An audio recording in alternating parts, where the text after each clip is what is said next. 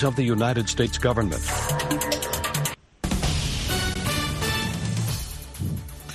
This is VOA News. I'm Tommy McNeil. Israeli Prime Minister Benjamin Netanyahu is brushing off the growing calls to halt the military offensive in Gaza and vowing to finish the job. A member of his war cabinet has threatened to invade the southern city of Rafah if remaining Israel hostages are not freed by the upcoming Muslim holy month of Ramadan. Israel's government has not publicly discussed a timeline uh, for a ground offensive on Rafah where more than half the enclave's 2.3 million Palestinians have sought some type of refuge. Comments by retired General and War Cabinet member Benny Gantz represent an influential voice, but not the final word on what might lie ahead. The UN Security Council is expected to vote Tuesday on an Arab-backed resolution demanding an immediate humanitarian ceasefire in Gaza, with the United States announcing it will veto. Algeria, the Arab representative on the council, put the draft resolution in a final form that can be voted on this weekend.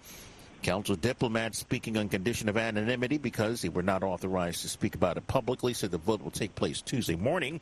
In addition to a ceasefire, the final Algerian draft obtained by the AP rejects the forced displacement of Palestinian civilians and demands the immediate release of all hostages taken by Hamas during their surprise October 7th attacks. Dwindling ammunition threatens Ukraine's hold on the 620-mile front line under withering assault by Russian artillery. Its defensive lines are in jeopardy. Ukrainian forces withdrew from one city in the Donetsk region on Saturday after daily Russian onslaughts from three directions to form the last four months. Avdiivka was a stronghold for Ukrainian positions deeper inside the country away from Russia. This is VOA News. Australian media say that at least 53 men were massacred in an escalation of tribal violence in Papua New Guinea. A top police official in the country told Australian Broadcasting Corporation that the men were members of a tribe, their allies and mercenaries who were on their way to attack another tribe when they were ambushed. The police official said more victims were expected to be found after the attack Sunday in the nation's remote highlands. Australian Prime Minister Anthony Albanese called the news of the massacre disturbing and said his government was ready to assist, which is Australia's nearest neighbor and the largest single recipient of Australian foreign aid. Tens of thousands of demonstrators marching through cities in Mexico and abroad in what they call a march for democracy. The rally called by Mexico's opposition parties targets the ruling party in advance of June 2nd elections. Demonstrations advocate for free and fair elections and rail against corruption just days after presidential frontrunner Claudia Sheinbaum officially announced her candidacy under the ruling party Morena. Sheinbaum is largely seen as a continuation candidate of Mexico's highly popular populist president Andres Manuel Lopez Obrador. He's adored by many voters who say he bucked the country's elite parties from power in 2018 and represents the working class. Two people, two police officers, in fact, and a first responder were shot and killed early Sunday, and a third officer was injured at a suburban Minneapolis home in an exchange of gunfire while responding to a call involving an armed man who had barricaded himself with family. Officials say the suspect in the shooting also died. It happened in Burnsville and claimed the lives of two 27-year-old officers and a 40-year-old first responder. Seven children were inside that home, but officials say the family was able to leave the home safely. The city of Burnsville said that a police sergeant was hospitalized with what are believed to be non-life-threatening injuries. Celebrity pastor Joel Osteen's Houston megachurch held a special service Sunday dedicated to healing and Thanksgiving a week after a woman opened fire in one of its always before being gunned down by security officers. Osteen's Lakewood Church has not had services since the February 11 shooting that sent worshippers scrambling for safety on Sunday.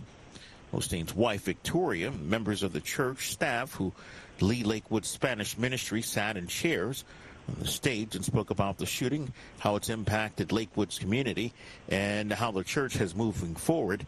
Osteen's told parishioners it has been a difficult time with a lot of trauma. You just got to know Lakewood is strong and it keeps stronger, he said. I'm Tommy McNeil, VOA News.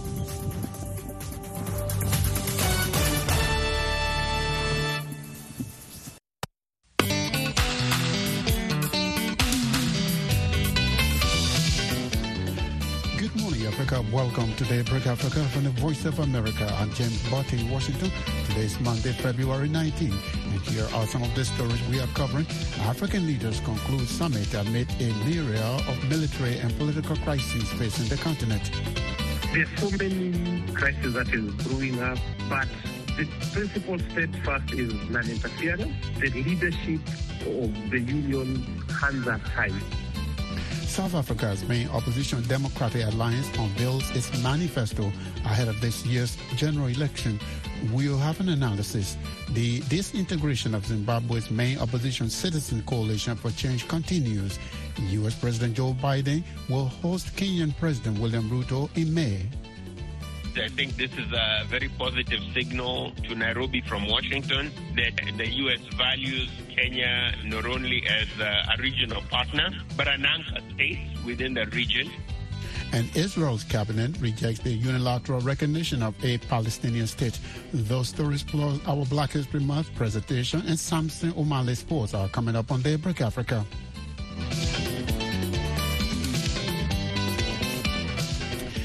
African leaders concluded the 37th summit of the African Union AU in Addis Ababa, Ethiopia on Sunday. The meeting took place as the continent is con- confronted with a myriad of military and political crises. AU Commission Chair Musa Faki Mahamat urged the leaders to address the continent's many conflicts and coups. Joseph Kioko is a Kenyan political analyst he tells me the AU's policy of non-interference in the internal affairs of member countries presents an inherent contradiction for the body. One of the challenges in the principles of establishment of AU and even the previous body, OAU, the Organization of African Unity, is uh, the principle of non-interference in uh, state, local state politics of member states. So you find that there could be a lot of drama in uh, DRC Congo. There are problems in Senegal with the postponement of elections. There are so many conflicts, the Ethiopia-Somali crisis that is brewing up. But the principal steadfast is non-interference. And then the regional body, in this case, uh, East African Community for the DRC Congo or the COMESA region for again DRC, to come into play to first attempt to resolve that problem before it being escalated to the African Union. But again, the leadership of the union's hands are tied. At the start of this current summit in Addis Ababa, the chairperson, Musa Faki Mahamat, was employing the leaders to try to do uh, their best in resolving conflicts on the continent. And how would they do it if they believe in no interference? That's an inherent contradiction uh, in terms of uh, speech and action. So you, you will find this general blanket statement, like I said, cessation of hostility. But when you want to get to tangible action points or tangible things that need to be done within a certain time frame, the African Union really can't do much about it. That's the sad nature of it, unless you find that a decision has been made maybe at the UN Security Council and then African Union has been mandated to take a lead. I want you to talk about Raila Odinga wanting to be the, the new chair of the African Union. What's your view? One is a deserving individual in terms of getting the position. You know, there are few remaining uh, African statesmen of his caliber. So him being nominated truly fills in that role. And I think it is a good candidate for the country, for the region, East African uh, community, and also for the continent itself. Now, in order for Raila to get that job, um, does he have to be nominated or approved by President William Ruto? I'm asking this question because depending on who you talk to, in um, some people might think, uh, oh, Raila has been a polarizing person, particularly since the last election. So, does he need Ruto's approval? The position is uh, you're fronted by the government of the day. It's the Kenyan government, really, Uh, that supports your candidature. So the government of President Ruto has endorsed that decision and it will play its role in fronting Raila, the Kenyan candidate. Yes, historically, he has been polarizing because of the electional campaigns that have been happening. But on this particular note, this is the coming together of the Kenyan leaders, putting aside their parochial national interest and fronting an individual to represent Kenya at a continental level. Joseph Kioko is a Kenyan political analyst. He was speaking with us from the capital, Nairobi. U.S. President Joe Biden will host Kenyan President William Ruto on May 23rd for a state visit aimed at boosting ties with a key East African ally, the White House said on Friday. Ruto will be the first African leader to receive a state visit at the White House since Biden took office in 2021. The visit comes as the Biden administration tries to focus on Africa as rivals Russia and China seek gains on the continent. Political analyst David Monda tells VOA's Douglas Mpuga the invitation is a positive signal to Nairobi from Washington in terms of Kenya being one of the U.S. allies, I think this is a very positive signal to Nairobi from Washington that the U.S. values Kenya not only as a, a regional partner, but an anchor state within the region. And remember, this is also commemorating 60 years of very close diplomatic relations between Washington and Nairobi. It should not be lost to us. Former President Obama's uh, father came to the U.S. in that first initial block of African students in the 60s that uh, John Kennedy brought over. So there's a very interesting uh, sort of history around that. There's the Cold War history of uh, U.S. Kenya relations. But I think it's also an important uh, diplomatic visit because the U.S. has really been trying to reinforce its influence in, in East and Central Africa and Africa more broadly. Because America is not the only game in town. Africa, Kenya, they have a lot of other partners they can work with, whether it's China, whether it's Russia, whether it's uh, the European Union, uh, whether it's Turkey. So I think the U.S. in, in terms of this visit is really trying to consolidate its uh, traditional relationship. To what extent do you see this as a broader vision as outlined at the U.S. Africa Leaders Summit which emphasize the essential role of African leadership in addressing global priorities? It's important on two levels. On one level, that uh, the Biden administration is trying to show that uh, that Africa matters, particularly now. This is 2024. Biden is really trying to show up keep a key voting constituency, you know, the African American community. This visit is important in that light that it shows that, that the U.S. is not only just talking the talk, but also walking that talk of re engaging with Africa, really a very new way of, of equal partnership. But also, let's not forget, it's reinforcing these broader issues of uh, American foreign policy centered around human rights, democracy, and good governance. And I think Kenya is really seen as one of the models of the continent for progressive constitution, for the rule of law, one of those countries at least making an effort to try and, and, and consolidate democracies. What do you think Ruto's role would be given that the East African region has issues, say, between Somalia and Somaliland and Ethiopia. There is the, the Sudan uh, neighborhood and uh, the DR Congo and the Rwanda issues.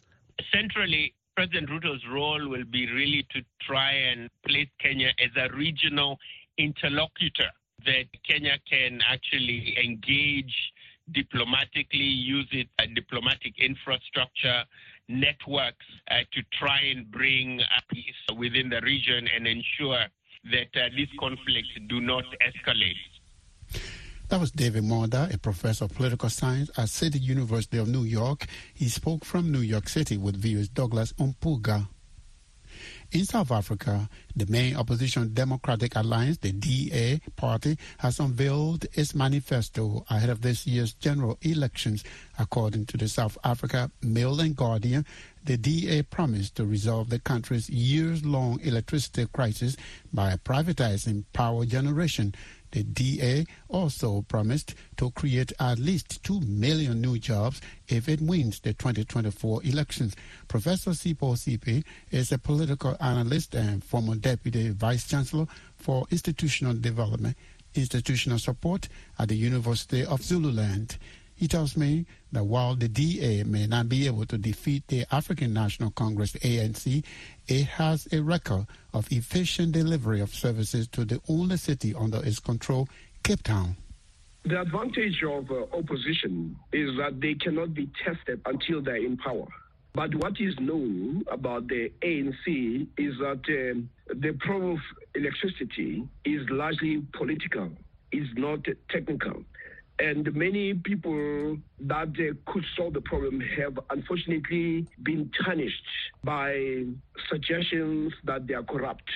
So, what the DA is saying is that once it takes over, if it does, it will be able to bring people who are competent into anything that the ANC has failed on. And the DA can also say that because uh, where it governs, it has done a better job, than the ANC. When the ANC took over in 1994, the ANC was in control of the major metros and all the provinces. And once it lost one city, the city of Cape Town, it was never able to regain. And the DA was able to use the city and use its experience and its performance to say where we govern, we do it better. So, using the notion that it can do better than the ANC, its message appears credible. So, Professor, let's take the promise to solve South Africa's unemployment problem, which is uh, very high. The Democratic Alliance is promising 2 million new jobs if it wins the election. Is this reasonable? Well, it is not impossible. I, one must understand that uh, when you have load shedding, you are effectively destroying jobs. When you have corruption, you're also making it difficult for anyone to invest in your country.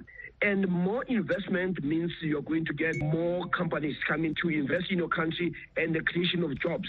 And what the DA says is to check our records and see where we could be accused of corruption. And at the moment, they have not been accused of corruption. And where their members have been found to be wanting, the DA has been very quick to, to expel them. So, in other words, if you deal with the notion of getting the right people who are skilled, who are competent, you deal with corruption, you address uh, the issue of load shedding, then there's a possibility that you may be able to create all those jobs. Of course, in order to implement the Democratic Alliance's uh, promises, they must win the election. And we know that uh, the Democratic Alliance, perhaps because of its past affiliation with the old South African system, has had trouble uh, winning national elections. So, what do you see as their chances for the 2024 election? Well, they, they will not win outright. The NC will still have a majority, but it will not be a majority that gives an outright 51%. If the ANC gets less than 50%, and especially if it can go down to closer to 40, it is very possible that the, the Democratic Alliance and other parties can find common cause to say we need to get rid of the ANC. And that is the language that the Democratic Alliance may find other partners who may have done well and they form a government. And once they do that, the ANC will be out. And I think the appetite to join forces to remove the ANC will be far greater once the elections indicate that the ANC can be defeated. Professor Sipho Seepe is a political analyst and a former deputy vice chancellor for institutional support at the University of Zululand. He was speaking with us from Johannesburg.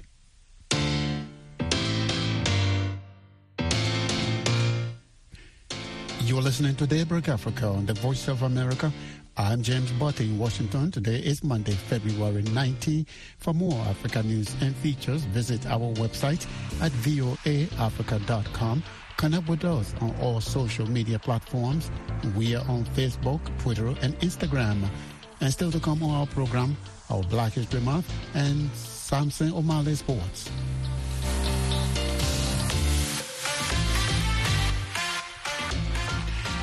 The disintegration of Zimbabwe's main opposition Citizens Coalition for Change, also known as Triple C, continues this after the party's president, Nelson Chamisa, resigned earlier this month, accusing the ruling ZANU PF of infiltration.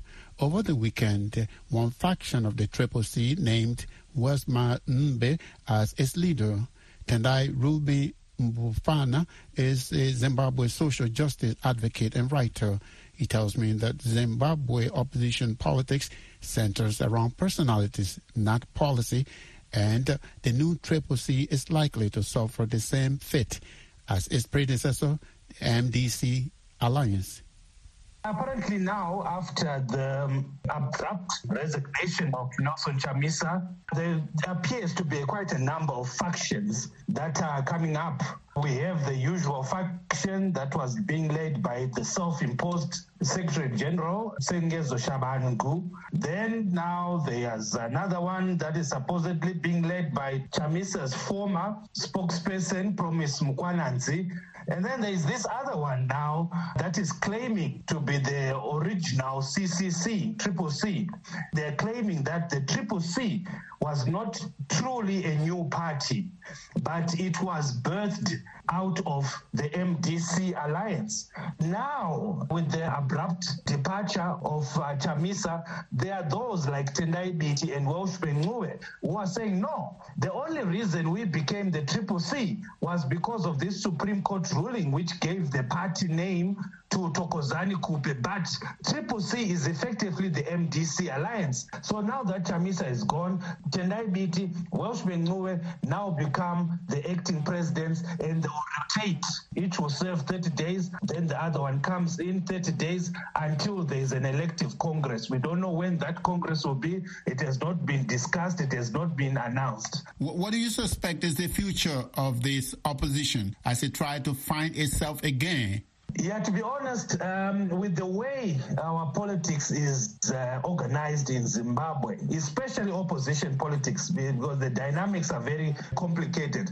Our opposition politics in Zimbabwe revolves around a personality, a person. It's personality politics. It's not about ideologies. It's not about policies. It's not about what you represent and what your plans are, your manifesto is. It's about an individual. We saw that even during the time of Morgan Tsvangirai. It was about the person, Tsvangirai. But he had amazing, he had phenomenal, tremendous support on the ground. So it's the same with Chamisa. We don't know his programs, we don't know his politics, but he is followed. He has a massive following. So what is going to happen is that his followers, the millions of so followers, are just waiting to hear what he has to announce next. They're not going to follow Tendai Biti. They're not going to follow Welshman Ncube. So in a nutshell, the Triple C is dead. It will just say face the same fate as the MDC Alliance, the MDCT, whatever you can call it. Now it's just a party in name only.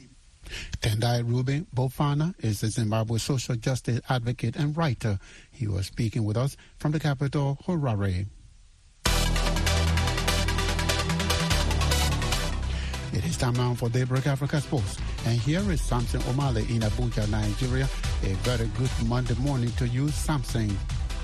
Good Monday morning to you too, James. We begin the sports with athletics. Ethiopia's Deresa Geleta ran a world-leading course record of 2 hours, 3 minutes, 27 seconds to move into the top 20 on the men's world marathon all-time list, while his compatriot Asmera Gebro won the women's race in 2 hours, 22 minutes, 13 seconds at the Zurich Marathon de Sevilla, a World Athletics Label Road race on Sunday. Record-breaking was the theme of the day with eight national records set as athletes chased qualification times for the Olympic Games in Paris in August. A total of 12 men dipped under 2 hours 8 minutes and 14 women went sub 2 hours 25 minutes in the race. Staying with athletics, Botswana's Letsile Tebogo stormed to award 300 meters best of 30.69 seconds at the Simbine Curro Classic shootout in Pretoria, South Africa on Saturday. With that performance, the 20-year-old takes more than a tenth of a second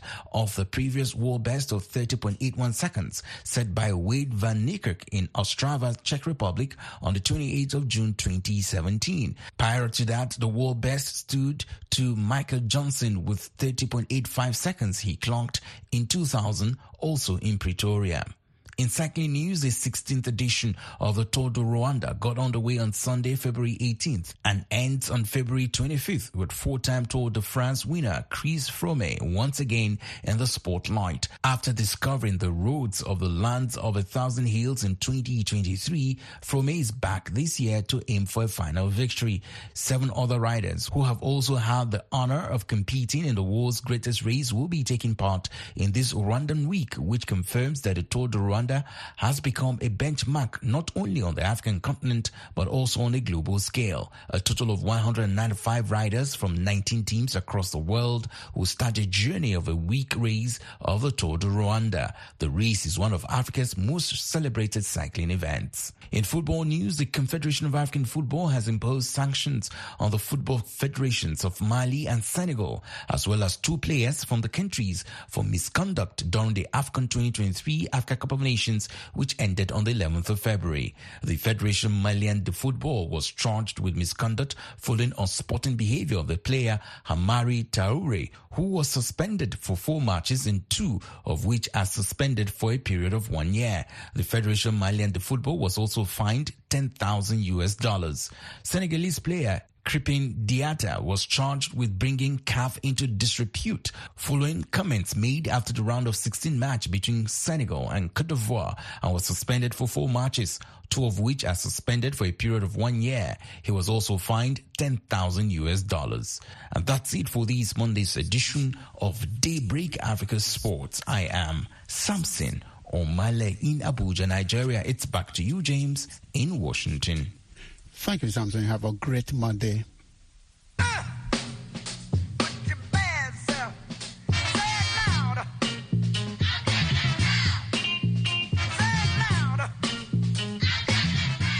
It's time now for our Black History Month and African History Fact for today, February 19.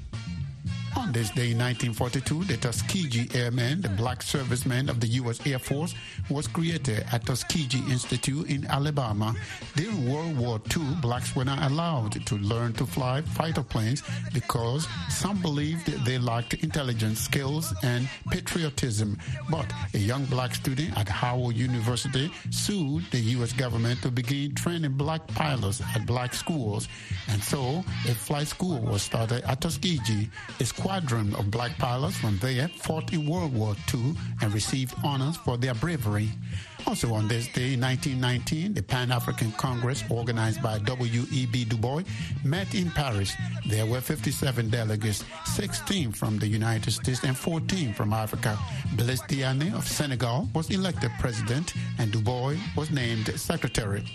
On this day in 2002, Vonetta Flowers became the first black gold medalist in the history of the Olympic Games. She was also the first American woman to win a gold medal in bobsled. Vonetta, the brake person, and her partner Jill Bakken won the gold medal in the 2002 Winter Olympics in Park City, Utah. Also on this day in 1940, soul singer William Smokey Robinson was born in Detroit, Michigan. Robinson's first singing group was The Miracles, which he formed in 1955 while still in high school. Those are your Black History Month and African History Facts for today, February 19.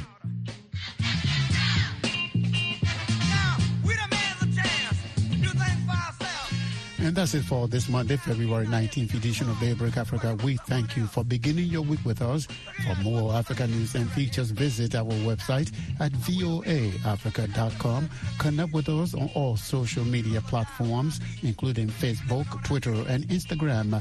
We are also on YouTube, where you can watch our TV shows Africa 54, Straight Talk Africa, and Red Carpet. On behalf of the Daybreak Africa team, I am James Butty in Washington, wishing that you will have a great week.